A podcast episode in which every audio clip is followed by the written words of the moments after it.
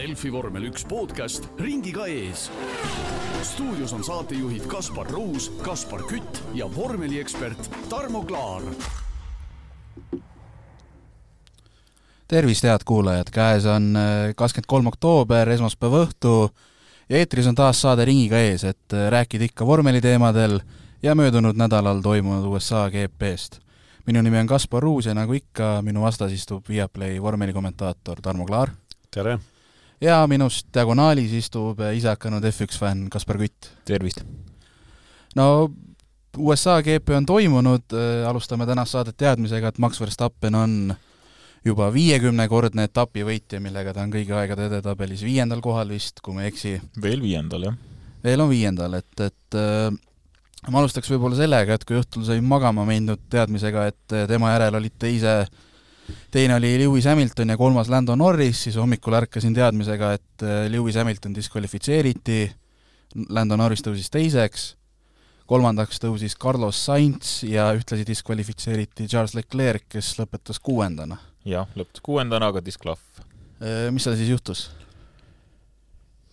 no juhtus see, et äh, viidi läbi tehniline kontroll nagu ikka, aga kuna noh, ka aeg on piiratud ja ressurss on piiratud, siis seda tehakse pisteliselt ja ja no esimesed neli läksid kõik kontrolli alla, pluss siis ka Charles Leclerc, tema auto, ja nii Hamiltoni kui Leclerc'i auto põhja no põhi teatud piirkonnas, kus ta peab olema kümme millimeetrit pluss-miinus null koma kaks millimeetrit on tolerants antud, oli kum-, kumbki siis, ma saan aru, et kulunud ülemäära, üle lubatud piiri, et lubatud on miinimumpaksus sellel põhjaosal seal üheksa millimeetrit, aga neil oli see vähem.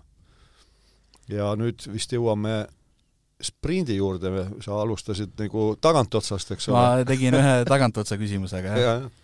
aga muuhulgas siis põhjendati seda sellega, et kuna oli sprindi nädalavahetus ja noh, minu jaoks see on noh, eluaeg jabur olnud, see kinnise pargi süsteem, alates sellest hetkest, kui autod sõidavad kvalifikatsioonis rajale, siis auto juures võib minimaalselt muudatusi teha. kõige arusaada- või noh, kõige sellised äh, mõjusamad muudatused või mis mõju, võivad mõjutada auto käitumist, on siis ise, esitiiva kaldenurka tohib muuta nii, kuidas tahad, ja rehvi rõhke võib muuta. auto kõrgust, auto jäikust, kõrguste vahet, rattakaldeid ette-taha jookse, mitte midagi muuta ei tohi.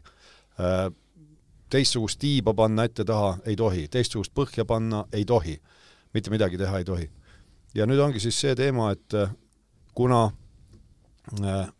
sprindi nädalavahetusel on üks vaba treening, reedel. reedel. ja pärast seda vaba treeningut reedel sõidetakse põhisõidu kvalifikatsioon, ehk siis pühapäevase sõidu kvalifikatsioon. Ja nüüd sellest hetkest, kui autod lähevad reedel kvalifikatsioonis rajale, on nad kinnise pargi reeglite all. siis tohib ka ainult neid piiratud tegevusi seal autoseadistuse juures teha. ehk sisuliselt mitte midagi ei tohi teha. ja nüüd väide on siis selline, et kuna vabatreeningut oli vähe, ja see Austini rada, noh, see elab kogu aeg, sest ta on tümamaa peale ehitatud tegelikult. et seal, kus eelmisel aastal olid jõnksud ja lohud ja kühmud, need ei pruugi enam seal sama koha peal olla, need on nüüd kuskil teise koha peal. Ja noh, kes seda sõitu nägi, see pani kindlasti tähele, et noh, harukordselt ebatasane on tegelikult vormel üks standardite järgi see Austini rada. ta on äge rada, ta on väga tehniline rada, aga ta on ebatasane. ja nüüd seadestati autosid siis selle e-, ühe ja ainsa vabatreeningu järgi ja muuhulgas noh, auto, kui ta käib vastu maad pidevalt, siis ta sõiduomadused ka kannatavad selle all. ja väide ongi siis selline, et kuna auto seadistuseks jäi nii vähe aega, siis Leclerc'i ja Hamiltoni autod olid liiga madalaks seadistatud. ja nüüd alates reedest kuni pühapäeva õhtuni siis nad olid selles seades, nagu nad olid, nagu ma ütlesin, kõrgust muuta ei tohi autol, sellest hetkest, kui nad reedel lähevad kvalifikatsioonis rajale. ja nii siis oligi et äh, lihtsalt autod olid liiga madalad ja põhi kulus ülemäära. Kütt, kuidas sulle see süsteem tundub, kas on, äh, tuleb see spordile kasuks või kahjuks on selline süsteem, et noh, nagu Tarmo just siin pikalt kirjeldas, et reede nii-öelda kvalifikatsiooniks on asjad tehtud ja siis vaatad ise, kuidas pühapäeva õhtul no selles jõuad. mõttes see on minu meelest isegi aus süsteem, et, et igal sõitjal nagu noh, asi peakski vabatreeninguga paika saama, isegi kui on üks vabatreening, siis tuleb sellega varakult arvestada ja ja vastavalt sellele nii-öelda siis reageerida, aga minu arust, mis on võib-olla ebaaus, on see, et, et see kontroll nii-öelda pisteline on, et noh, nagu Tarmo ütles, siis jah, ressursse ja aega on vähe, aga kuidagi jah, on see, et kui kontrolliti põhimõtteliselt siis esiviisiku autot ja nendest siis kaks saidki disklahvi, siis tekib muidugi küsimus, et kas ka tagapool on neid nii-öelda potentsiaalseid disklahvi saajaid, et minu nii-öelda küsimus on lihtsalt see, et miks tehakse see ainult pisteliselt, kui aus oleks nagu kõigile teha seda, teha seda peale sõitu kontrolli. no just täpselt, et siin ütleme, kui keegi ütleb, et no mis te nüüd üks millimeeter, no mis te siin tähte närite. reeglid on reeglid. aga no, täpselt, et ja. reeglid on reeglid ja ja noh, seal tippauto ringrajasõidus, motoringrajasõidus iga millimeeter, iga kümnendik mängib rolli, ega siis muidu need tolerantsid ei ole mm -hmm. ette antud ja ei ole need äh, piirkulumismäärad ette antud, aga siin ma vai-, ütleme, ma olen teisel seisukohal, mis ma igasugu vaidlen et ma olen teisel seisukohal, mina leian, et näiteks äh, nii nagu MotoGP-s, noh, minu esimene suur armastus on MotoGP tegelikult, seal sa võid äh, mootorratast seadistada viimase hetkeni. panid puusse kvalifikatsiooniks, no mis seal ikka siis Äh, isegi kvalifikatsiooni ajal sa võid muuta. ja minu jaoks on see palju ausam, muidu on niimoodi, et äh, eksisid ja siis maksad kogu nädalavahetus. elad oma eksimusega terve nädala, täpselt, ja tä-, terve nädalavahetus on sul tuksis mm -hmm. tegelikult.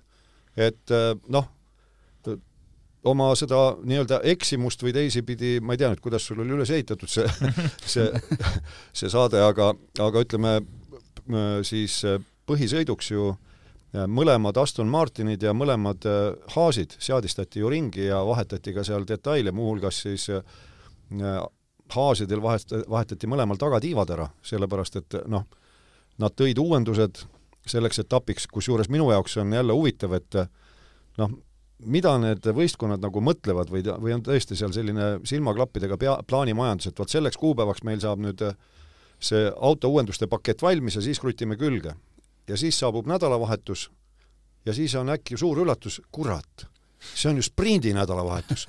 meil on ainult üks vaba treening. me ei jõua ju mitte midagi proovida.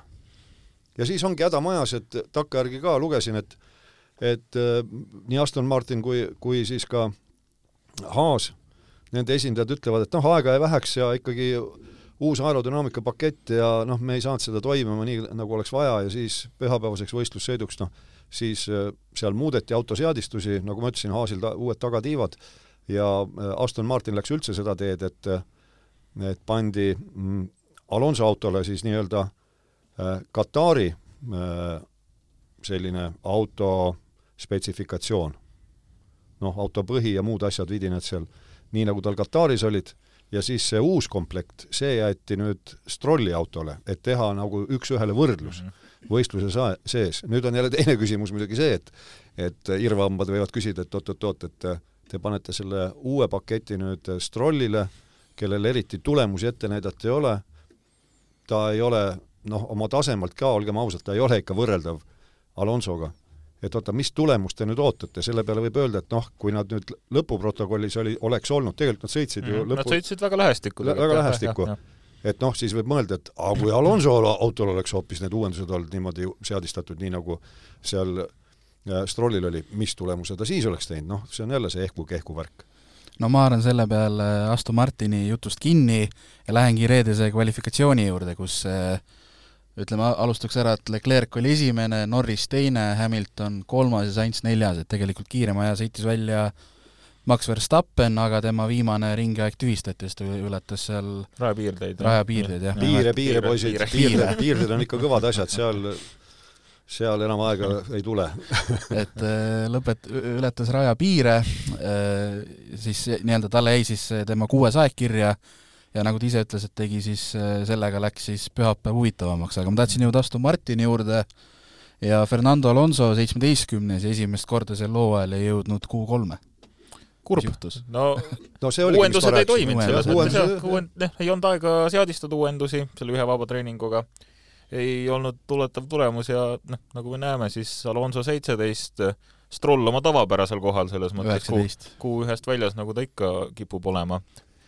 Ja oligi selles mõttes suur gala oli tehtud nädalavahetuseks, et sealt edasi üritati ainult üles tõusta. noh, eks me sõidus, sõidust jõuame veel rääkida, kuidas Aston Martinid tõusid omakorda, aga aga, aga jah, et lihtsalt äh, võrreldes sellega, kus nad siin hooaja alguses olid, et kus Alonso siin võitles mõnuga esikohtade eest või kvalifikatsioonis ja sõidu, ja sõitude ajal oli poodiumil, siis ütleme nii, et Aston Martini langus on olnud ikka päris, päris erakordne.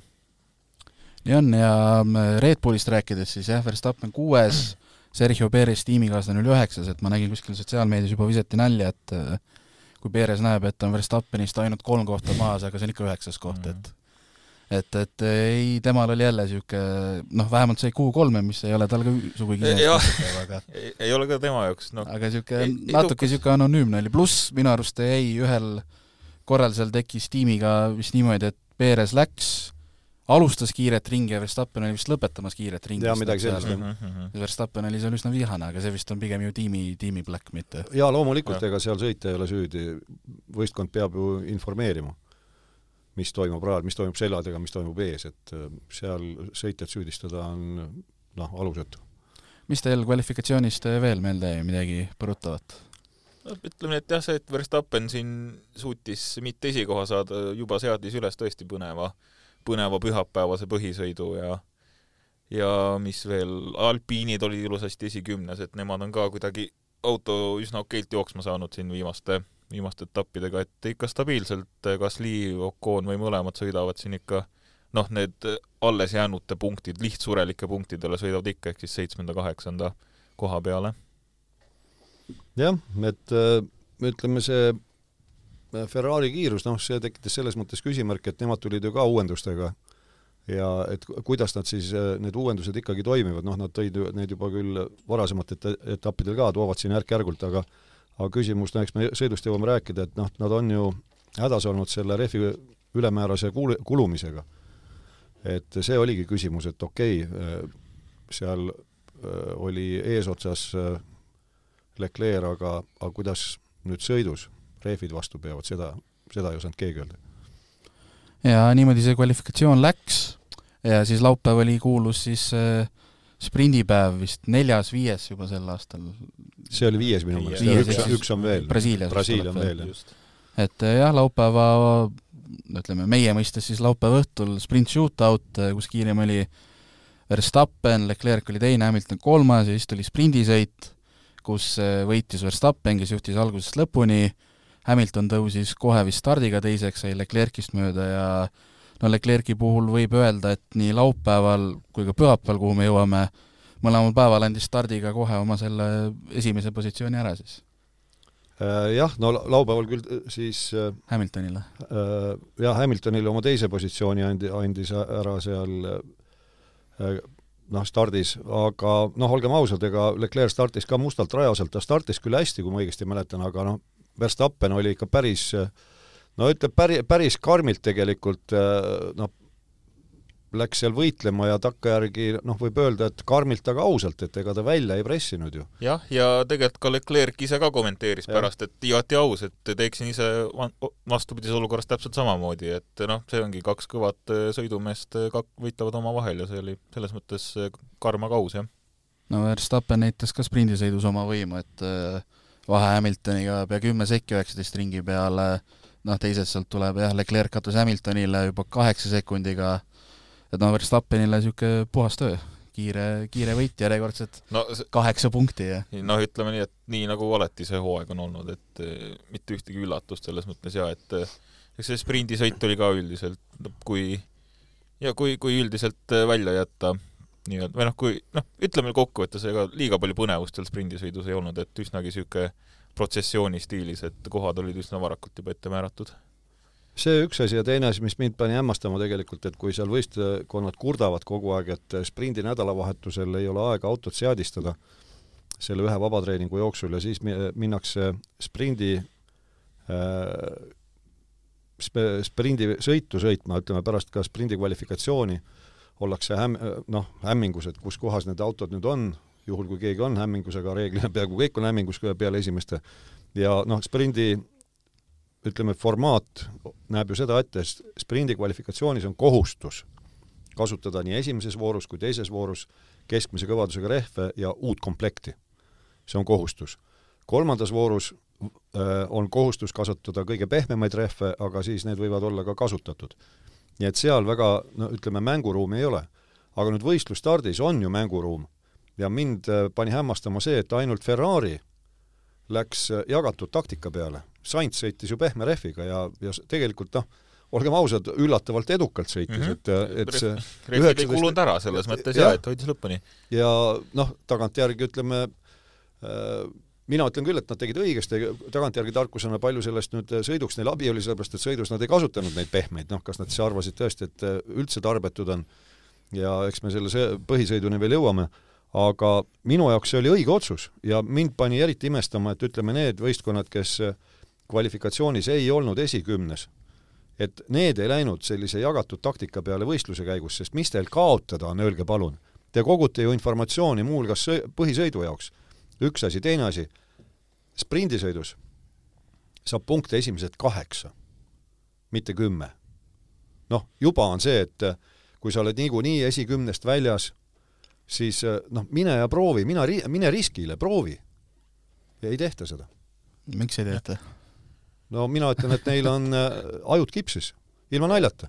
Neil ei ole, noh, see on niisugune vastik kaasaegne väljend, et noh, mõel-, mõelgu nagu karbist välja, noh no, Mõe, tehku midagi teistmoodi. sprindisõidul ollaksegi üldiselt liiga konservatiivsed üldjoontes nii-öelda strateegiatega ja taktikatega ja et äh, eesmärk on, noh, väga tihti tundub, et eesmärk on lihtsalt vältida äh, vältida mingeid kokkupõrkeid ja, ja tõesti lihtsalt eh, sõita see sõit lõpuni ja nagu no see, see väga tihti ei meenutagi võidusõitu, see ongi lihtsalt nii-öelda kulgemine esimesest ringist viimaseni, et eh, no üsnagi harva näeme niisuguseid tõeliseid möödasõite ja ja põnevaid nii-öelda lahinguid sprindisõidu ajal, et tiimid lihtsalt eh, no nad teavad, et kui nad, kui me sprindisõidul kokku põrkame, see on lisatööd mehaanikutele, see on kõik pidi uued disklahvid või uued probleemid, mis iganes, ja ja siis noh, lähebki, lähebki selliseks pigem niisuguseks rahulikuks sõiduks laupäeviti.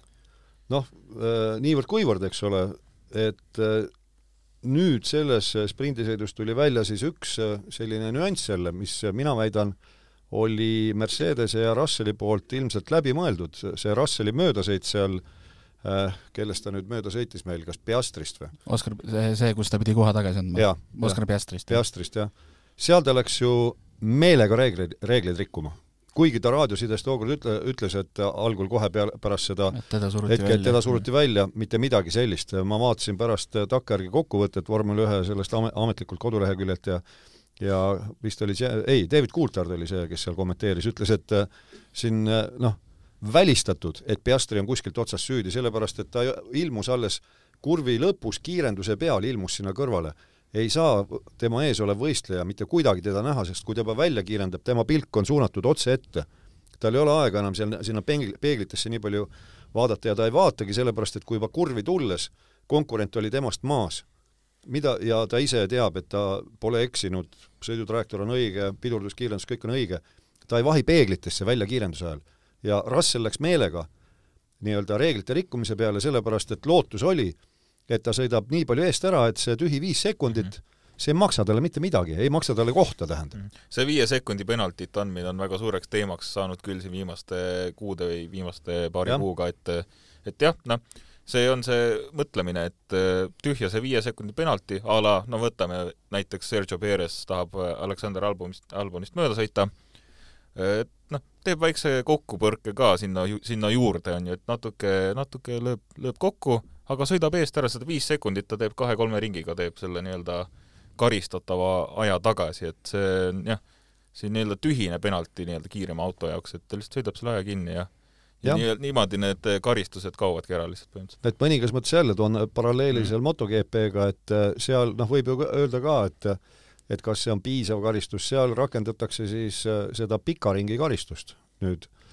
juba, ma ei mäleta, kas teist aastat või mis seal on, nii et äh, kui sa oled rikkunud, noh, samamoodi möödasõidul oled kellegi välja trüginud või midagi ja leitakse, et see oli määruste vastane, siis määratakse sulle see pika ringi karistus. On kindel koht, üks kurv rajal ongi niisugune asfalteeritud pikk ring on sinna tehtud ja noh, ütleme niimoodi, et rusikareegliga seal kaotatakse kuskil võib-olla kolm sekundit, aga samas on see selline rajaosa, kus väga tihti ei sõideta, et noh, kaherattalistel eriti, et seal nad nüüd nii hullusti kallutada ei saa. Aga vormel ühega on ju sama, et kui see rada, rajaosa on ka must seal, noh, kui kasutada analoogset lahendust, Äh, küll seal seda ajakaotust tuleb ja noh, ka rehvid võib-olla määrduvad ja ei ole nii hea haarduvusega järgnevad paar kurvi seal. MotoGP-s muidugi on see nii-öelda sõitjad on ka palju rohkem koos ka, et Ja seal küll, see, et seal see nii-öelda karistus võib kohtade poolest palju suurem Ja seda küll, sellega ma olen nõus, jah. jah. jah, seesama see, mis ta oli, jah, Russelli ja Piastri olukord, et ma vaatasin ka seda tagantjärgi ja ja samamoodi seal Kulter ütles, et ruumi oli ja näha oli, et ruumi oli. ja mi- mind ajas sellepärast see Russelli see väljasurumisjutt muigama, et eh, kui ju Piastri läheb esimesena kurvi, noh, tema valib trajektoori, tal ei ole ju noh, nagu sa ütlesid, et ta ei vaata taha, vaata peeglisse, tal ei ole ju kohustust arvestada kellegagi. tema vaatab, et tema püsiks rajal ja liiguks kiiremini edasi. oleks nad pidurismaa peal kõrvuti olnud, hoopis teine jutt, et lähetegi kõrvuti, lähete kurvi, teine asi hoopis sest eh, noh, mõlemad näevad üksteist, üksteise autosid vähemalt. et kui keegi sul kõrval juba ilmub, juba esi, esisild ilmub sul vaateväljas, siis saad aru ju, et et keegi seal on ometigi, et see pole ju miraaž. jah, aga jah, sprint eh, lõppes, nagu öeldud, Verstappen võitis, kes meil seal olid, Leclerc jah, kolmas Norris neljas, Perez viies, Sainz kuues, kes Lee seitsmes ja Russell siis tõi selle ühe kaheksanda koha punkti ja Piastri oli siis kümnes, aga teatavasti sprindis kümnes koht ei anna midagi. aga lähme siis, ma arvan, et pühapäeva juurde mm. -hmm. Lähme. et eh, pühapäeval siis alustuseks stardisirgel oli kuusteist autot, kui ma ei eksi. jaa, mõlemad eh, Aston Martinid eh, ehk Ja- siis Alonso ja Stroll, mõlemad Haasid ehk siis eh, Magnussen ja Hülkenberg alustasid siis boksist ja et nende kallal olidki siis, olitigi siis eh, piisavalt palju tööd tehtud ja tükikesi välja vahetatud, et eh, et siis mõlemad Haasid ja Astonid pidid siis boksist alustama. aga, aga jaa, start selles mõttes eh, noh, töötas head, et Verstappen kuues ja ja ütleme nii, et ei, ei saa kohe niimoodi eest ära tulistada, et eh, selle asemel saime hoopis näha, kuidas Lando Norris läks eh, etappi juhtima Charles Leclerc'i eest siis kohe esimesest kurvist ja ja väga pikalt tegelikult tunduski, et Lando Norris võibki siin oma esimese etapi võidu kätte saada no me vaatasime eilset sõitu koos mm. -hmm. ja me pool sõitu vaidlesime, sina olid suht kindel, et Norris võibki siit oma võidu võtta mm. -hmm. ma ütlesin kohe, et ta ei võta ja noh, lõpuks läks niimoodi, lõpuks läks meil mõlemal õnneks hea, et kumbki ei ole Norrise fänn. ei ole suured Norrise fännid. aga, aga hea stardi tegi ta küll ja konkurentsis oli ta küll. Aga jah, Leclerc, et öö, mainisin ka, et laupäeval ka, et öö, ei tulnud jälle parim start. ei tulnud jah, ja, ja teine asi jälle need võistlustaktikad, et äh, jällegi, mis mind pani hämmastama, et äh, seal ju, mis see oli, kuni äh, kas oligi esimesed kõik kuusteist või oli, olid ju selle keskmise jaa, kõvusega aga rehviga? vist oligi kaks autot äkki olid Kaks oli küll, aga ja kaks jaa, need oli üks kes Aston üks Astonitest ja, ja üks üks Aas, Aasidest jah, oli oli kõva rehviga. Jah. ja et nii-öelda siin ka ei, ei olnud mitte mingit sellist nagu julget strateegiat või sellist Et- eksperimenteerimist ja jah, et, et et, mindi kindla peale selles et- mõttes. jah, et äh, Pirelli ka oma selles äh, pühapäeva eilses äh, kommentaaris äh, Mario Isola suu, suu läbi siis, kes on seal Pirelli see mootorispordi tegevjuht, ütles, et noh, et nagu parim rehv sõiduks on, on keskmine rehv, aga minu meelest noh, mina siin äh, üks päev täitsa oma pisikese ajuga hakkasin mõtlema, et minu meelest äh, see äh, Katari sõit oleks nagu pidanud talvanust äh, üles äratama võidusõitjad, et ja küll nad olid seal kõik äh, läbi omadega, sellepärast et oli suur kuumus, autos on suur kuumus tänasel päeval, noh autod ongi teised, Martin Brandliga seal paljud täna, tänased sõida-, sõitjad vaidlesid ja osalt õigusega kindlasti, aga äh, kurdeti ju selle üle, et muuhulgas, mis oli probleemiks seal Kataris, oli see, et äh, kuna äh, oli see rehvide protektoride, protektori eraldumise probleem, siis Pirelli andis ette, et ükskõik millise kõvadusega rehv on, siis üle kaheksateist Mhm. ringi sõita ei tohi ja see tähendas seda, et kõik see kaheksa, kaheksateist ringi tegelikult äh, rehvide sooritusvõime oli väga hea ja sõidetigi nagu kvalifikatsiooniringe. Noh, aga kui nüüd võtta sõnasabast kinni, et siin Albon ja Russell ja kes siin hurjutasid äh, Brandlit, et ei no mis teie ajal seal, te sõitsite meist kakskümmend sekundit äh, kauem ühte ringi ja ja koormused olid väiksemad, no mõtleme sellele ajale, kui oli veel punaste valitsemine, kui Michael Schumacher Ferraris võimutses, siis muuhulgas üks asi, mida tookord esile tõsteti ja Ross Brown just tol ajal Schumacherit kiitis, et äh, siis oli tankimine. Mhm. ja tankimisest, noh, boksi peatusest boksi peatusesse sõideti ju ka auto nii-öelda tilgatumaks, see paak üsna kerge autoga ja sõidetigi nagu sprinti kogu aeg, boksipeatusest boksipeatuseni äh,, andis vahepeal Schumacher minna täie rauaga mm. -hmm. nii et ei saa öelda seda, et enne vanasti noh, niisama jollerdati seal, eks ole. et äh, miks te, miks te nagu sellise variandi peale ei mõtle, et äh, kasutakski erinevaid rehvisegusid ja annakski tuld, annakski täiega minna ja, ja ei, ei tangi seda paaki niimoodi, et oleks äh, võimalikult vähe kütust seal, vaid panetegi selle täis lubatud paagitäie, mis reeglid ette näevad, oli see nüüd sada või sada kümme kilogrammi, mul on juba sassis, aga lähetegi selle peale välja, et kütust jaguks niimoodi, et me saame iga rehviseguga paugutada ta täiega, näiteks. aga ma pole veel sellist äh, varianti üldse näinud peale Katari. no seda enam, et äh, noh, okei, tiimidele need iga koht edetabelis on tähtsad, aga selles mõttes tiitlid on ju välja mängitud, teatud pinge on ju sellega no maas, tiitlid et... on välja mängitud, aga selles mõttes konstruktorite arvestuses iga koht toob omaga tuntuvad boonused just rahalises mõttes ja. ka ja ja nii-öelda selle wind tunneli testimise mõttes ka, et äh, ikkagist äh, siin tiimid, kes ei ole Red Bull, absoluutselt kõik on veel võitluses ja tahavad oma kohta parandada, et äh, kõigil on veel tegelikult vaja siin riskida ja, ja maksimumi võtta. jah, ja, ja just, et, et jagage siis võist-, võistlejate vahel oma mm, -hmm. oma seda taktikat, et kui kellelgi on läinud räigelt puusse see kvalifikatsioon, no tehke midagi ebaharilikult, tehke midagi teistmoodi. aga no paraku ma ei näe seda teistmoodi mhm. tegemist sest kui sa teed samamoodi kui konkurendid, siis siis on tulemus no. see, et sa oled nendega samal pulgal, mitte parem. noh, samas hea, hea küll, natuke teen liiga Ferrarile, nemad tegid teistmoodi nüüd selles sõidus äh, Leclerc'iga mm. -hmm. no väga teistmoodi ja mul on siin nüüd äh, noh, spikker ees, et et äh, käis, Sainz käis oma esimeses rataste vahetuses kaheksateistkümnendal ringil ja Leclerc kahekümne kolmandal ringil, kahekümne neljandal isegi. ja noh, võtame niimoodi, et siis sellest kaheksateistkümnendast ringist kuni kahekümne neljandani Saintsi ringi ajad pärast boksi peatust. üks nelikümmend kuus, üks nelikümmend üks, üks, üks nelikümmend üks, kuus, üks nelikümmend üks, kuus, üks nelikümmend üks, viis, mis tuleb Leclerc'il kaheksateistkümnendast ringist alates üks nelikümmend kaks seitse, üks nelikümmend kolm null, üks nelikümmend kolm kaks. noh, ei hakka rohkem ette lugema, üle sekundi aeglasem. üle sekundi, paiguti poolteist sekundit aeglasem et äh, oota, kas juba ei löönud häirekellad, kui, kui seal üheksateistkümnendal ringil tuli ringi aeg üks nelikümmend kolm, kui teised sõidavad üks neljakümne ühega. oota, miks te hoiate teda veel väljas?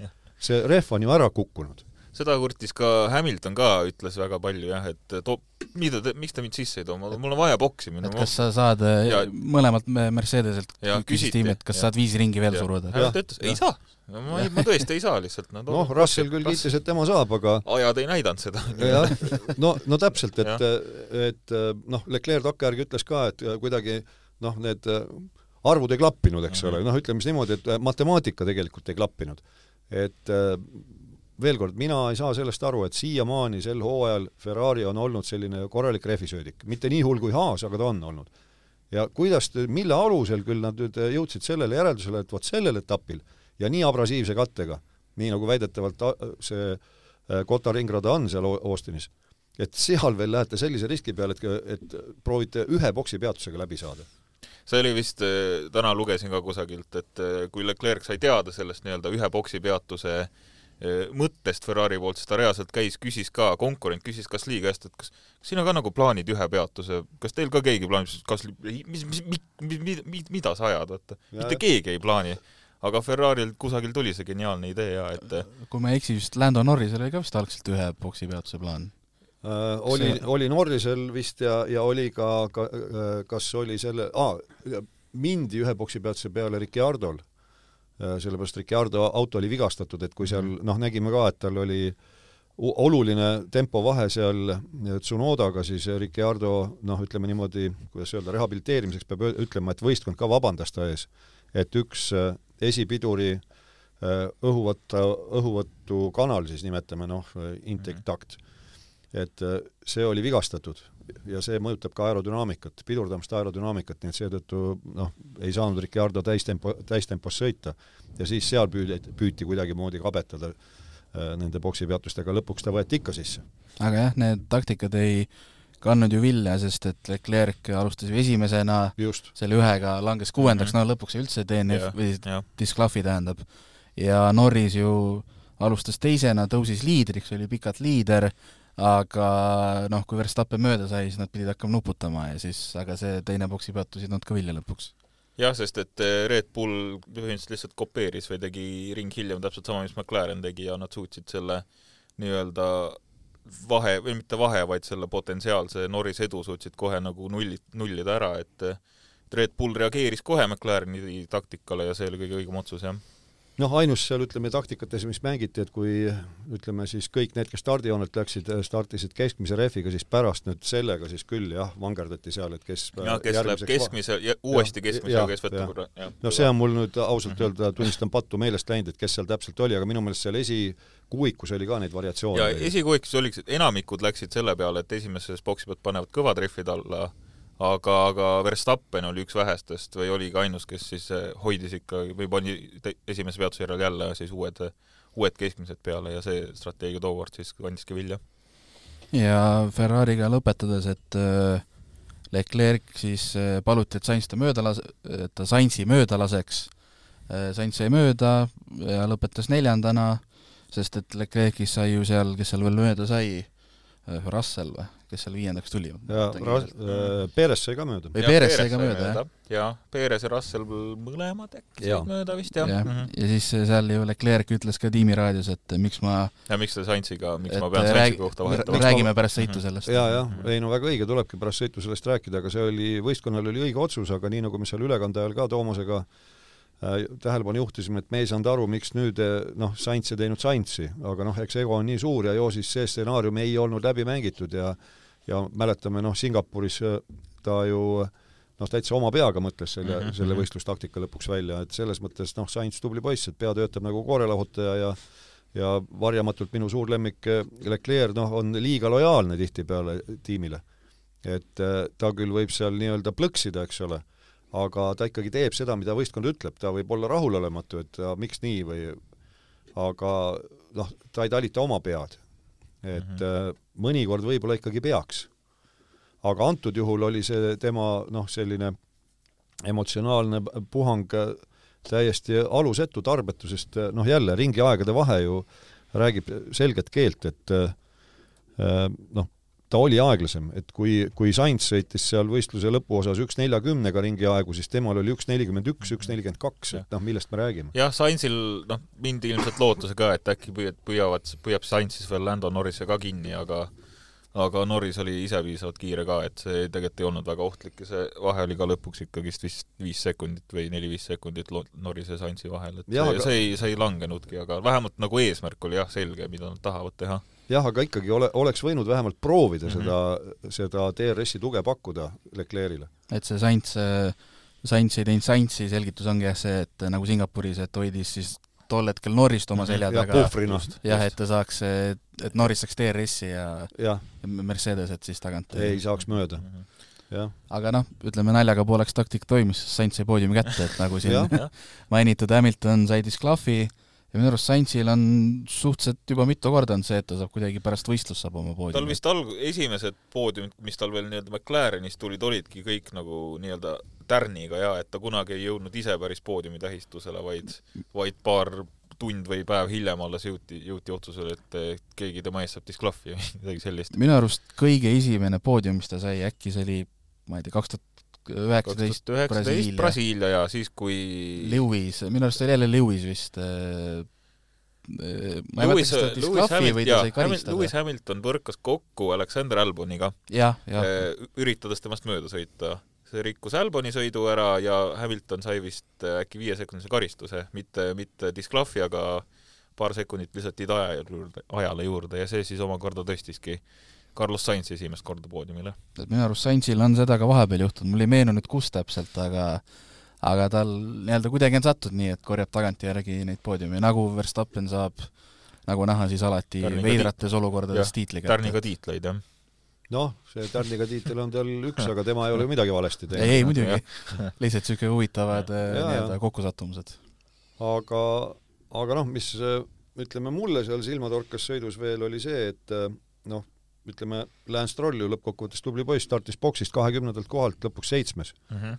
et selles mõttes nagu rehabiliteeris ennast, et ega minu silmis ta on ka selline pigilind olnud, et ja, ütleme nii, et sel hooajal on jah, Stroll võib julg-, võib öelda, et kõige halvemate pilootide seas ikkagist olnud ja stabiilselt, aga Keina sõit oli tal täiesti korralik ja et boksi, boksi peatu- või boksist alustades tõusta seitsmendaks ei ole üldse lihtne ja ja see, et ta tegelikult püsis Alonsoga jah, kuniks Alonso lõpuks katkestas küll sõidu, aga aga Stroll püsis Alonso konna, kannul väga tublisti ja ja, ja seitsmes koht oli selles mõttes igati välja teenitud. et nad olidki, kuni neid karistusi, tähendab, kuni ei olnud äh, Alonso katkestanud, nad olid ju viimastel punktikohtadel mhm. mõlemad ju. vist kaheksas, üheksas. või üheksas, kümnes.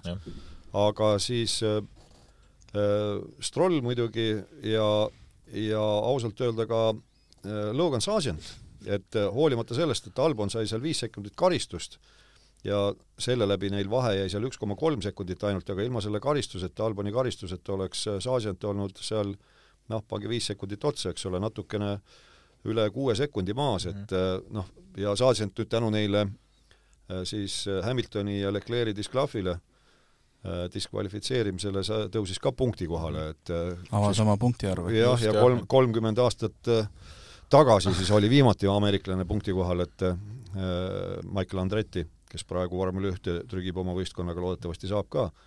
aga tegelikult ka, et äh, Sargent tegi väga hea sõidu, tõesti väga hea sõidu ja noh, nüüd hakka või uskuma, et ta ongi see nagu tiimipealik seal James Vowles ütleb, et ta on real deal, et ta on ikka päri, päris, päris äh, võidusõitja, aga siiamaani jah, on ta samamoodi olnud selline pigilind nagu Strollgi, et küll ta noh, sõidab autosid puruks ja, ja veel noh, ka ebaõnne on olnud ja kõike, aga seekord Alboniga samas taktis ja, ja nüüd äh, need uuendustega haasid, et noh, hea küll, jätame selle kõrvale, et et kaks võistlejat diskvalifitseeriti, aga Nico Hülkenberg ikkagi samamoodi boksi teelt startis üheteistkümnes. et saab siis näha, et nädala pärast on juba ju järgmine etapp ja see on selline tavapärane võistluse nädalavahetus, et tõsi, Mehhikos on kõrgmäestik, õhk on hõre, seal on jälle omad hädad, aga kuida-, kuidas seal siis saadakse oma uuendustega auto tööle, sellepärast et Haas ju läks nüüd ka aerodünaamika poole pealt ju sellise nii-öelda Red Bulli kontseptsiooni peale. et nendel see senine auto noh, oli eelkõige ühe ringi auto mm. -hmm. ja üks mees, keda väl-, veel tahaks välja tuua, on Yuki Tsunoda, kes tõi üle pika aja punkte Alfa Taurile, vähemalt enda poolt punkte Alfa Taurile ja mitte ainult ühe, nagu ta on siiamaani teinud, vaid nüüd ka tänu disklahvidele siis neli pluss üks, et kaheksanda koha punktid pluss ka kiirem ring, mis Yuki siis sõidu kõige viimasel ringil välja sõitis, et kusjuures sellega oli pull, pull lugu jah, rahvakeeli, huvitav lugu, et kui Tsunoda ise takkajärgi ütles, et siis kui võistkond kutsus ta boksi kaks ringi ennem lõppu, siis ta ehmatas ära, et midagi on juhtunud. et, et noh, sellist asja polnud kunagi olnud, et äh, tema võistkond temaga teeb sellise taktikalise lükke, et saada kiirema ringi punkt omale. aga võistkond läks teadlikult selle peale ja ja viimasel ringil Tsunoda selle kiirema ringi sõitiski mm. -hmm. ja poiss ütles, et ääretult nauditav oli ja, ja siin oli veel äh, aa, Leclerc'iga oli ju kvalifikatsioonis see teema, et et kui talle, äh, see oli siis äh, no seesama jah, põhisõidu kvalifikatsioonis, et äh, kui talle öeldi, et tähendab, lause sõnastus oli sõnad olid vales järjekorras. ja, jah, see oli see olukord ja, et ah, ingli, inglise keeles, inglise keeles öeldi Leclerc'ile siis raadios, et so lap time deleted for Verstappen. jah, just, ja... ja siis ta palus, et palun ärge enam ja. niimoodi mulle öelge. öelge nimi, öelge nimi esimesena, öelge Verstappen, lap time deleted. mina sain infarkti, on ju, te ütlete mulle, et lap time deleted. just, just täpselt. Et see noh, need on sellised naljakad lood, eks ole, aga Äh, tahtsin Sargenti kohta veel seda öelda, et äh, oma kümnenda koha esimese punktiga, et tegelikult tema ju veel ju võitleb oma või noh, me, me arvame, et ta veel ju võitleb oma mm -hmm. koha eest F1-s, noh, me vähemalt Williams ei ole midagi välja öelnud. et tal on nagu hädasti vaja igasuguseid õnnestumisi praegu. ja, ja, ja samas ma olen ka Sargentiga nõus, et äh, kui teda hirmsasti materdatakse üldse, tänapäeva uustulnukaid materdatakse ja kõrvutatakse, et neid äh, Alonso ja Hamiltoniga, et vaata, kus ikka tulid ja panid, siis noh, esiteks Alonso äh, tuli ja säras tõesti Minardi roolis, mis nüüdne Alfa Tauri on, eks ole, ta on siin neid nimesid vahetanud, ja noh, omanikke. aga ta pidas ka aasta vahet, ta oli jah mm -hmm., aasta otsa oli Renault ta testsõit tegi ja, nagu ja kogus neid tuhandete kaupa neid kilomeetreid just ja nimelt, ja jah. samamoodi Hamilton mm. -hmm. enne kui ta tuli McLarenis vormel ühte aastal kaks tuhat seitse ja oli kohe tiitlipretendent, nii nagu mina tavatsen öelda, antage mulle andeks, ta oli oksendamiseni testinud, mis tänapäeval on keelatud. Mhm. ta sõitis sama aasta autoga teste. tänasel päeval jaa, sa võid testida vormel üks autoga, aga noh, kuna nüüd siis on teist aastat need äh, uued tehnilised tingimused, siis sa võid sõita kaks aastat vana autoga. Ku-, kuni olid tehnilised tingimused äh, äh, stabiilsed, tohtis sõita, kui õigesti mäletan, kolm aastat vana autoga. Noh, aga see, see on natukene teine asi ja sa ei tohi ka kasutada äh, neid äh, võistlusrehve, mis on näiteks järgmisel võistlusel kasutusel või midagi, sa pead nõndanimetatud demorehvidega sõitma, mis on ka jälle teistmoodi natukene. aga tol ajal, kui Alonso ja Hamilton liitusid vormel ühega, mitte mingisuguseid selliseid piiranguid ei olnud. püüti küll läbi viia selliseid härrasmehe kokkuleppeid, aga noh, Ferrari alati sülitas nende härrasmeeste ko- kokkulepete peale just, mis puudutas testsõitude kilometraaži, nii et äh, noh, nad sõitsid seal ütleme, tuhandeid ja tuhandeid kilomeetreid tol ajal, mis äh, tänapäeval on võimatu ju. hooaja sees teste ju ei ole, keelatud. ja ennem hooaega, mis seal on nüüd, on tänapäeval nüüd on kolm või kaks päeva, mul on juba vot kolm minu arust. kolm päeva. reedest pühapäevani vist. jah, ja siis on ka ju niimoodi, et see võistkond võib ainult ühe autoga testida mm. -hmm. mitte niimoodi, et mõlemad sõitjad on kumbki oma autoga see kolm ja, päeva ja peavad jagama, jah. jah, ja siis nad jagavad ja ongi poolteist päeva ja poolteist päeva. ja, ja siis sa pead tulema ja paugutama koos seitsmekordse maailmameistriga samas tempos, no ei õnnestu. ja siis imestatakse, et äh, Lewis on äh, mis ta on enam-vähem vist viimane nii-öelda debutant, kes oma, tähendab, sõitja, kes oma debüüti ajal vist sõidu võitis või midagi sellist. ja, Tärniga saab öelda, et ka, et Oskar Piastri jah, sest ta võitis sprindi, jah, jah, jah, ta etappi veel pole võitnud. et selles mõttes noh, Piastri on väga kõva poiss, eks ole, aga kahjuks, kahjuks eilne etapp tal muidugi liiga pikk ei olnud, Piastril muidugi, aga ja olgu see- see öeldud, et nad äh, Jah. põrksid Okooniga kokku. jah jah,, Esteban mõlemad Oconiga autod oli kokkupõrge ja ei, noh, kokkupõrge oli piisavalt suur selles mõttes, et nad küll jätkasid mõned loetud ringid, aga auto sees eks midagi sai piisavalt kannatada ka ja selleks nad mingid andurid hakkasid seal tööle boksis ja nii Ocon kui ka Piastri võtti siis võeti siis ikkagist rajalt maha ja läksid boksi ja katkestasid sõidu, aga selles mõttes tegemist oli põhimõtteliselt ikkagist võitlusolukorraga, et karistus ei järgne, kuid lihtsalt, lihtsalt üks õnnetu kokkupõrge kahe sõitja vahel.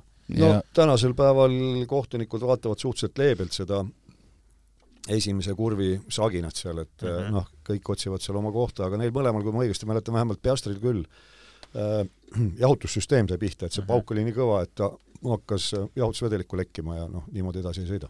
ja olidki Ocon ja äh, Piastri olid siis kaks esimest katkestajat ja siis sõidu lõpuosas tuli Alonso, kellel ühtlasi katkes järjest punktidel lõpetamine oma ei, lõigus. tal oli Singapuris oli ka vist Aa, oli üks, üks punktideta jaa, et vist on, vist võib öelda, et see oli tema teine punktideta sõit see hooaeg. on küll, jah. et. Singapuris oli viieteistkümnes jah, nüüd katkestas. jah, ja nüüd ongi, või noh, nüüd jätkuvalt on Verstappen ainus, kes on iga etapi lõpetanud punktidel. muidugi tahaks ka veel välja tuua Mercedese ja ja Hamiltoni sõidu selles mõttes, et eh, kahju, et, et penalt- või see disklahv tuli, aga Hamilton ei olnud sugugi kaugel võidust. Et siin eh, võistluse viimase viie ringiga või kümne, umbes kümne ringiga Hamilton tõusis veel või sai Norrisest mööda ja vähendas vahet eh, Verstappeniga päris jõudsalt tänu sellele, et ta, temal olid siis eh, temal olid kõvad rehvid all. kõvad rehvid all jah, et tema suutis nagu väga hästi rehve säilitada, neid kasutada võistluse lõpupoole, et oleks siin ringi. kaks, kaks-kolm ringi äkki veel ja võib-olla tõesti oleks Hamilton võitnud, mida kurvem oleks see hili-, hiljem disklahv olnud siis Jaa. muidugi pärast seda, et et võib-olla vedas, et, et Hamilton ikkagist ei saanud mööda. no keegi vist tõi välja ka, et nii-öelda kuivades oludes oli see vist Verstappeni kõige nii-öelda raskem võit sel aastal, et jah, jah, aga noh, Verstappen reaalselt äh, rähkles ka seal piduriprobleemide küüsis, et et seal ei olnud noh, sellist äh, lihtsalt ärakukkumist. jah, seal raadiosides oli ka ikka tunda sellist ikka. frustratsiooni Verstappenis ja et eh, üle pika aja peab ta tõesti nagu võitlema autoga, mitte teistega, aga just auto endaga siin rasketes oludes ja tuulistes oludes, et, et jah, aga siiski võit tuli ja, ja noh, protokolli järgi kümnesekundiline võit, aga aga tegelikkuses jah, Hamilton oli kaks koma kaks sekundit vist. jah, vaevu, vaevu, vaevu kaks sekki jah, et jah, lootust on, et Mercedes äkki, äkki suudab ka natuke hammustada veel Red Bulli see hooaeg. no Russell, kes sai viienda koha, ütles siis pärast intervjuus, et et, et Mercedeses on, see hooaeg on kuidagi kogu aeg on nii, et nad räägivad kasutamata jäänud võimalustest, et meil oli võimalus siit võit võtta, sealt võit võtta, aga ma kasutan neid ära, et me ei kasuta neid ära, et, et eelmine aasta oligi meil võib-olla üks kord, kus neil noh, oli umbes võimalus võita ja siis nad ei kasutanud ära, aga see aasta nad tunnevad, et nad on palju lähemal, autol on kiirust ja performance'it, aga nad ei kasuta ära, et nad peavad tiimiga maha istuma, et ta oli, sai küll viienda koha, noh, see ilmselt teda ei rahulda, aga noh, ta oli selles mõttes nii-öelda näljane. no meestel on nagu nälg väga suur ja seda on hea näha ja, ja Mercedes liigub ju ka ja Mercedes suunas, et... liigub õiges suunas jaa, aga väga raske ongi, kui sul on Red Bull ja Verstappen, kes selles mõttes teevad sisuliselt veatult, on teinud oma nädalavahetusi, kui Singapur välja jätta, siis tegelikult ongi Red Bull olnud peaaegu et perfektne iga nädalavahetus, et noh, see on see konkurents, mille vastu sa, mille vastu sa pead võitlema, et see on peaaegu et võimatu aga mitte täiesti võimatu ülesanne siin ka ise üks perfektne nädalavahetus kokku panna ja ja Red Bullile vastu astuda. no ma, äh, ma küsin siis äh, kiirelt otsa kohe, et äh, kas Mercedes saab see aasta oma ühe võidu kätte? jumal seda teab, noh, ütleme, kui tehnilised probleemid vaevavad Verstappeni autot ja kui esimeses kurvis mingisugune puntratants tekitatakse, siis kindlasti saab ma arvan, et siis, aga muidu, muidu ma kahtlen selles ja, ja üks asi muidugi, mis ma tahtsin öelda, oli huvitav takkajärgi selle Toto Wolfi, Mercedese tiimipealiku äh, seisukoht või sõnavõtt äh, just pärast sõitu, et äh, varasematel aastatel nad on nii edukad olnud, et neil ei ole vaja olnud keskenduda boksi peatustele. ja seetõttu nad koperdavad seal nüüd, see oli see vabandus. ja tõesti, seal olid ju kolme poole sekundilised boksi kolm koma kolm oli Hamiltoni mingi hetk, jah ja väide, väidetavalt, et äh, mehed on head, riistad on kõik head, aga et äh, noh, umbes niimoodi, et meelsust peab muutma, mida oli muidugi väga huvitav kuulata. aga noh, loll on see, kes põhjendust ei leia ei noh, teistpidi ütles ausalt välja või noh, siis võibki öelda, et ehe näide sellest, et loorberidele on puhkama jäädud. kogu lugu. no ja me siis ootame, et eh, muidugi Red Bull on läbi ajaloo alati kiireid poksipeatuse teinud, et jah, kuigi mis see oli, McLaren võttis nüüd eelmisel etapil selle kiirema poksipeatuse oma nimele. üks koma kaheksa sekundit Lando Norris. see muidugi, jah, see jäi eelmises saates mainimata tegelikult, ma tahtsin siis mainida, aga noh, võib ka praegu ära mainida, vaatad tagantjärgi see üks koma kaheksa sekundit, see on absurdne aeg tegelikult. see on, on täiesti naeruväärne jaa, selles mõttes, et eh, kuivõrd õlitatult see boksi peatuste masin toimub, et seal on, mis seal on, oma kakskümmend inimest on seal auto ümber, on ju, ja ja tants käib niivõrd perfektselt ja sünkroniseeritult, et noh, üks koma kaheksa sekundit, see aeg möödub noh, nüüd juba möödus, et et jah. kusjuures äh, seoses sellega, et siin äh, noh, mõningad asjad nii kähku käivad ja, ja kuskilt ajavõitu nagu ei, ei paista, siis noh, kas ta on nüüd üks koma kaheksa või kaks koma null sekundit, null koma kaks sekundit sinna-tänna, siis äh, minu meelest siin hooaja keskel kuskilt jooksis läbi kellelgi selline idee, et aga äkki peaks minema Indikaari teed, kus iga rattajooksu juures on üks mehaanik ainult. Ja selle peale ma ütlen, et noh, keerukaks läheb, aga võib-olla NASCARi teed tõsi, see on kereauto, seal reeglina pensionile läinud äh, Ameerika jalgpallur jookseb ümber auto garaaži tungrauaga, paneb selle auto külje alla, robaki ühe lükkega tõstab külje üles, siis kui ühel pool on rattad vahetatud, siis laseb selle auto kolaki alla, haarab garaaži tungraua kaenlasse, jookseb ümber auto ja suur põnevus seisneb selles, et kas see suur kolakas Ameerika jalgpallur, kahemeetrine mägi, kas ta nüüd koperdab sinna suurõhuvoolikusse või mitte. et äkki peaks seda teed hoopis minema, aga noh, nali naljaks äh,, midagi jah, on seal väga võluvat, et äh, ma saan aru, paljud inimesed on öeldud, et kes seal kohapeal on, vaatavad stardi-finiširgel äh, boksi teed, nad ei saa muhviga aru, mis toimub, et auto tuli, pliks-plaks läinud miks ta tuli, mis seal tehti. kas üldse vahetati rehve või mis asja? ei saagi aru. käib kiiresti, jah, tõesti. Äh, jah, väikse kõrvalpõikena meenus nii-öelda vastupidine rekord, kus äh, siis, kui Valteri Bottas veel Mercedeses oli ja tal äh, ühte ratast ei saadudki kätte ja see poksipeatus kestis nii-öelda ametlikult mingi kolm päeva või, või mis ta oli seal? jah, sest see auto viidigi, see oli Monaco etapp, ma mäletan, auto viidigi tehasesse ja, ja. tehases saadi see ratas alt kätte et ja. ja siis ju Mercedes oli veel noh, nii-öelda rohkem tipus, kui nad praegu on, et ja. Mhm. no see oli ikka see hiilgaja. see oli see hiilgaja, just, äh, GP-st veel midagi? ega, ega selles mõttes väga suurt ei ole jah, et eh, õnneks Mehhiko on juba käesoleval nädalal ja ja saame näha üle pika aja ühte tavalist nädalavahetust ja et neid sprinte on kuidagi väga palju siia hooaja lõpule kuidagi koondunud jah, et eh, nüüd saavad meeskonnad saavad nii-öelda katsetada, eksperimenteerida, et äkki tulevad mõned põnevamad, põnevamad taktikad välja, mõeldakse siin nädalavahetuse või nädala jooksul, et eh, tõotab tulema selles mõttes põnev. kusjuures noh, jällegi on see teema, et tavaliselt öeldakse, et on kaks etappi, mis on asjad iseeneses vormel üks sarjas. üks on Monaco ja teine on Monza ja vot siin on nüüd see M-tähe maagia, kolm M-i. tegelikult mina väidan, et asi ise- iseenesest on ka Mehhiko. Just selle kõrgemäestiku pärast mm. -hmm. see on noh, täiesti teine jutt seal hõredas õhus, kõik see aerodünaamika lahendused, mis seal on, seal ju sõidetakse praktiliselt Monaco äh, ütleme, tiivaseadetega Mm -hmm. sellepärast õhk on nii hõre.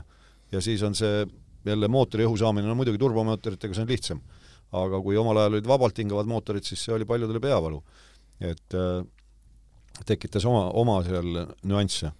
nii et selles mõttes jah, see Mehhiko on jälle noh, kolmat moodi või neljat moodi jutt, et kui ülejäänud rajad on kõik seal noh, merepinnast äh, mitte väga kõrgel, siis, siis Mehhiko on kõrgmäestikus ja noh, saame näha ja mis äh, mulle meeldib Mehhiko juures, alati see fännikultuur ja kõik Mhm. on, Sergio Perez saab nüüd jälle kodus võistelda jah, ja see on alati nii suur sündmus seal. ja ma, ma käisin kevadel, käisin äh, Mehhiko rallit kajastamas ja siis ma rääkisin seal ühe taksojuhiga, ma küsisin talt, et äh, kui suur äh, noh, kui suur nimi on Sergio Perez Mehhikos ja ta ütles, et kõige suurem staar üldse, et kui tema sõidab, siis on noh, nii-öelda riigipühad, et et tema saab jälle oma seda kodufestivali. No, seda enam ongi, noh, ütleme, et see võib olla väga kriitilise tähendusega sõit Sergio Perez'i üldse karjääri jaoks ja et kuidas ta siin kodupublikuga või kuidas pu- kodupubliku all vastu peab, et, et noh, poodium võiks ju nagu teoreetiliselt peaks lausa tulema siin Mehhiko, Mehhiko lippude all, et, et jah, Tšekol on võib-olla eriti suur pinge, et tasub teda vaadata kindlasti see nädalavahetus. noh, eks tal pinge on seetõttu ka, et eh, ega ta koht ei ole ju sugugi kindel. ja nüüd, kui Ricciardo ka on tagasi, nüüd kui Yuki Tsunoda siin paugutab lausa kaheksandaid kohti, mitte kümnendaid, on ju, et siis, siis pinge muutub aina suuremaks Perezi õlal. Aga üks, kui sa Tsunoda tõid eh, korra jutuks, siis eh, sprindipäeval eh, korra näidati seal noh, otseülekande ajal ka, kus Tsunoda noh, lausa kiunus seal roolis ja tagus rooli ja meie ei saanud Toomas Vabamäega aru, et, et mis seal juhtus ja nagu kordab midagi, aga aga me aru ei saa. Ja pigem näitas sealt nii-öelda armatuurikaamerast, aga takkajärgi siis selgus, et ta oli just minemas kiirele ringile, kui tema nime, nina all lehvitati ruudulist lippu. nii et võistkond saatis ta liiga hilja rajale ja selle peale ta oli maru vihane seal. Äh, ma tooks lõpetuseks ühe teema veel, siis äh, siin enne äh, GP-d oli, tuli uudis välja, et FIE ehk siis Rahvusvaheline Autoliit on tõstnud siis nii-öelda sõitjatele võimaliku maksimumtrahvi mä- määra ühele miljonile eurole, mis sõitjates üsna palju vastukaja tekitas ja üks niisugune põhiküsimus on olnud see, et mis üldse teha tuleb, et miljoniline trahv saada?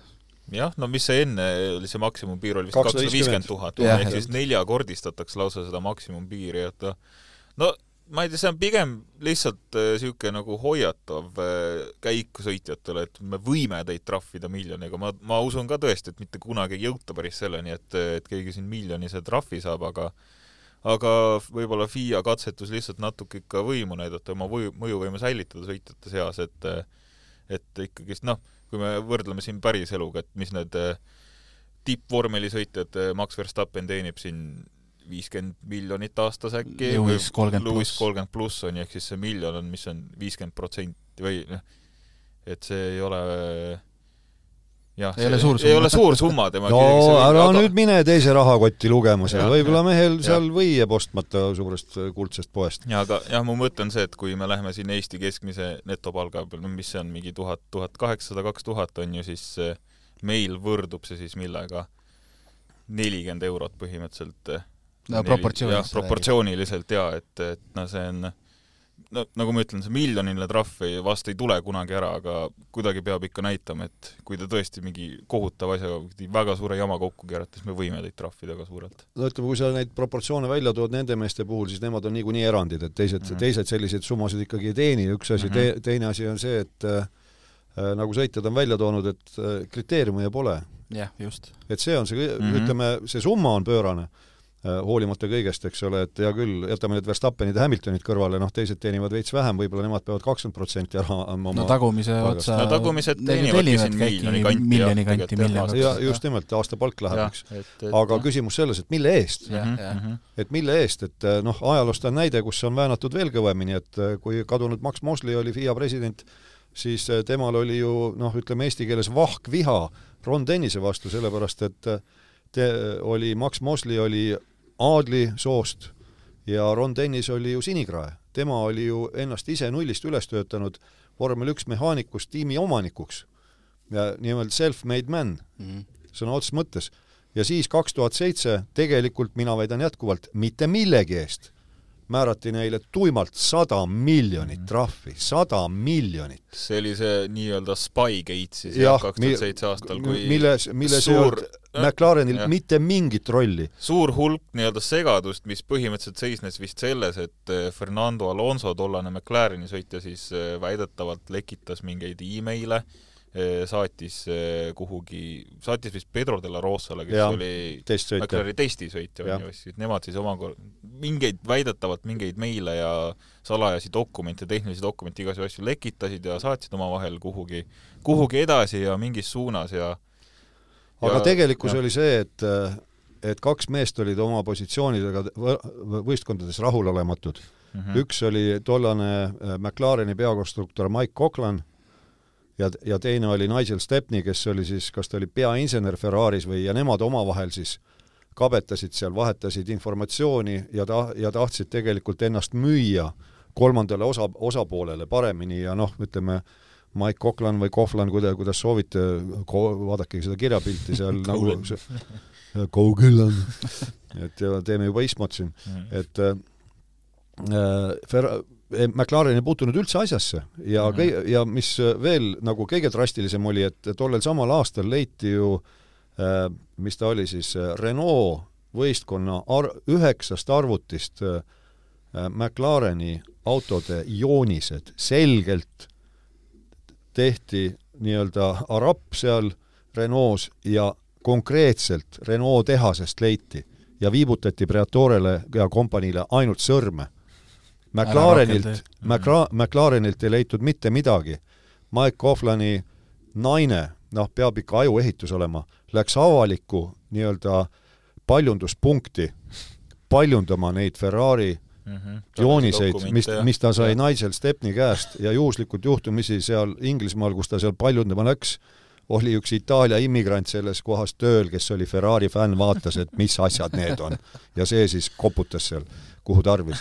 et ei puutunud McLaren üldse asjasse ja jällegi, kriteerium ei olnud, määrati sada miljonit ja mina olin veel hämmingus, et huvitav, kas tõesti Mercedes jätkab, siis oli ju McLaren Mercedes mm, -hmm. McLaren oli siis ju tipus, kaks tuhat seitse. ja ei, selles mõttes lisaks trahvile nad said ju ka konstruktorite karikast eh, disklahvi täielikult ja sealt olekski tiitlivõit tulnud, ilmselge tiitlivõit ja... oleks McLarenil tulnud, läks et, täiesti kaduma. nii et noh, ütleme, et väga räigel moel on juba olnud eh, sellised asjad mm -hmm. FIA poolt et nüüd noh, nüüd on nagu sõitjad, varem on see olnud äh, noh, meeskondade tasandil niimoodi FIA poolt, nüüd siis on mindud äh, sõitjaid paika panema, noh, üks küsimus on veel lisaks, et aga mis see ajend on, et mis see räige juhtum nüüd on siis olnud, et peaks nagu neid mm -hmm. karistusi jah, et, karmistama. siin et... viimane karistus oli seesama Katari GP, kus siis Hamilton kõndis äh, noh, kui ta Russelliga kokku põrkas, ta katkestas, ta kõndis üle tee, mis ta ja, sai üle raja kõndis jaa, samal ajal kui sõit sai viiskümmend tuhat trahvi. millest pool oli tingimisi. jah, pool on tingimisi ja siis ta, ma ei tea, kas ta peab ka ühiskondlikku kasulikku tööd tegema või noh, mitte mitte nagu Verstappen, jah. jah, mitte, mitte konisid korjama küll pargis kuskil, vaid siis äh, noori sõitjaid või kohtunikke mm -hmm. koolitama või midagi sellist tegema. aga jah, see põhi, äh, põhikriitika ongi olnud, et okei okay,, no ilmselgelt sõitjad ei taha miljonit maksta, see on ka loogiline. keegi ei taha. tahab? jah, aga just see, et aga, aga mille eest siis, et ja. nagu pange nagu paika asjad, et just. Et siin ma loen, Verstappen ütles ka, et kui tagatiiva katsumine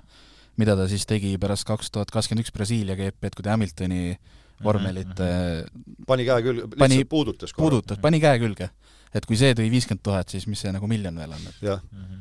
et mis siis tegema peab tõesti ja jah, sõitjad, no ongi vaja mingeid konkreetseid eh, selgitavaid nii-öelda, no selgitavat juhist, et mis, mis trahv on mille vääriline, siis noh, ma ütleks, et see ei ole nüüd eh, selline suur asi, et ma täiesti mõistan, miks FIA võib-olla tahab nagu sõitjatele ka näidata, et ei ole nüüd päris puutumatud, on ju, et et Ei, kui te mingi, kui ei te ole, mingi aga- kohutava asja teete, siis, siis maksate ka, aga lihtsalt pange meile siis need mängureeglid peavad paigas olema. just jah, pange no mängureeglid just, paika. aga mina, mina küsin veel kord, et siiamaani oli kakssada viiskümmend tuhat ja oli ka arusaamatu mm, -hmm. nüüd on jätkuvalt arusaamatu, mille eest on miljon, et äh, no mis nüüd vahepeal siis juhtunud on, et et leitakse, et see kakssada viiskümmend tuhat ei ole piisav, nagu minu meelest Verstappen ka ütles, et aga seda ei ole kunagi kelleltki sisse nõutud, et jah, jah. ma hakkasin ka just mõtlema, et üle viiekümne tuhande väga ei meenu neid. ei meenu absoluutselt et äh, noh, hakkame nüüd otsast pihta, et mis see ajend on, mis, mille põhi, mille pärast, ja keset hooaega.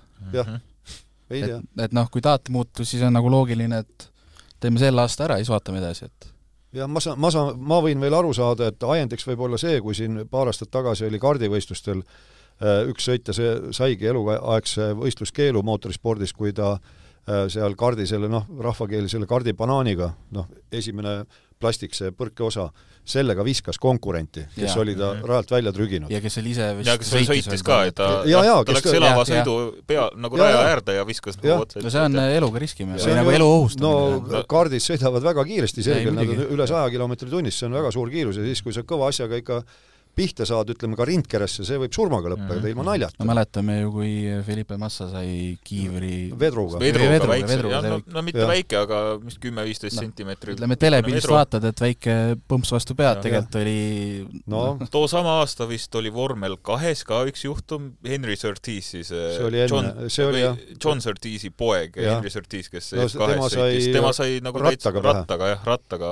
otse pähe, et ja. ja siis oli, see oli lausa surmav juhtum jah. noh, see oli see, kui ratas tuligi laga, lagi pähe la, Mhm. laia kaarega, eks ole, et noh, lükkaski seal see oli üks nendest ajenditest, mis siis hiljem ka lõpuks Halo siis Jah, nii-öelda vormel oli üks kahte ja igale poole tõi noh, ütleme seal on nüüd arusaadav, eks ole, Mhm. et on olnud sellised juhtumid, mille tulemusena siis noh, kas mingeid tehnilisi tingimusi karmistatakse, mingisuguseid tehnilisi lahendusi leitakse või siis noh, nagu seal kardispordis oli see, et konkreetne isik saigi Mhm. eluaegse võistluskeelu selli-, sellise noh, väga, väga noh, ohtliku teo eest, eks ole. no üld-, ongi jah, et iga nagu see samm on olnud loogiline reaktsioon, millele, millele, mis on eelnevalt toimunud, aga see praegu praegune võeti nagu praegune limiitide tõstmine või karistuste tõstmine ei, ei tule nagu väga loogilisest kohast kuidagi, et see tuleb nii-öelda täiesti tühjast kohast põhimõtteliselt. see on nagu vahepeal, kui on mingid reformid tehakse, siis äh, jääb nagu mulje, et äh, noh, nii-öelda mõnel inimesel lihtsalt vaja kuidagi tõestada, et teda on tööl vaja, et noh, jah, just. ja mingi FIA töötaja- mingi FIA töötaja vaatas jah, et ta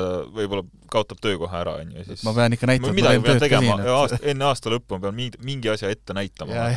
noh, nagu teie olete kindlasti ka kokku puutunud, mina rohkem, sest ma olen teist vanem, et eh, tihtipeale mingid eh, IT-lahendused on jutumärkides, vabandust, IT-uuendused on jutumärkides IT-uuendused, näiteks kas või kodulehe uuendus, ükskõik, mõnel pangal või midagi. kõik oli varem lihtne ja loogiline ja nüüd sa pead kuskilt läbi karutagumiku otsima midagi, mis varem oli hästi lihtsasti kättesaadav. selleks küsid abinõu ja siis on olemas abi. jah, näiteks. Mhm. et a- aga milleks seda vaja oli, kui varem oli, kõik oli selge, aga noh, peabki tõestama, kõrgepalgaline peab tõestama, et eh, noh, talle tulebki maksta sellist palka. no ma arvan, et selle tõdemusega võib vist tänasele saatele joon alla tõmmata, et äh, nädala pärast uuesti siis on äh, Mehhiko GP toimunud ja oleme taas eetris äh, esmaspäeva õhtul, aga seniks äh, kõike head! Nägemist! järgmise korrani! Delfi vormel üks podcast ringiga ees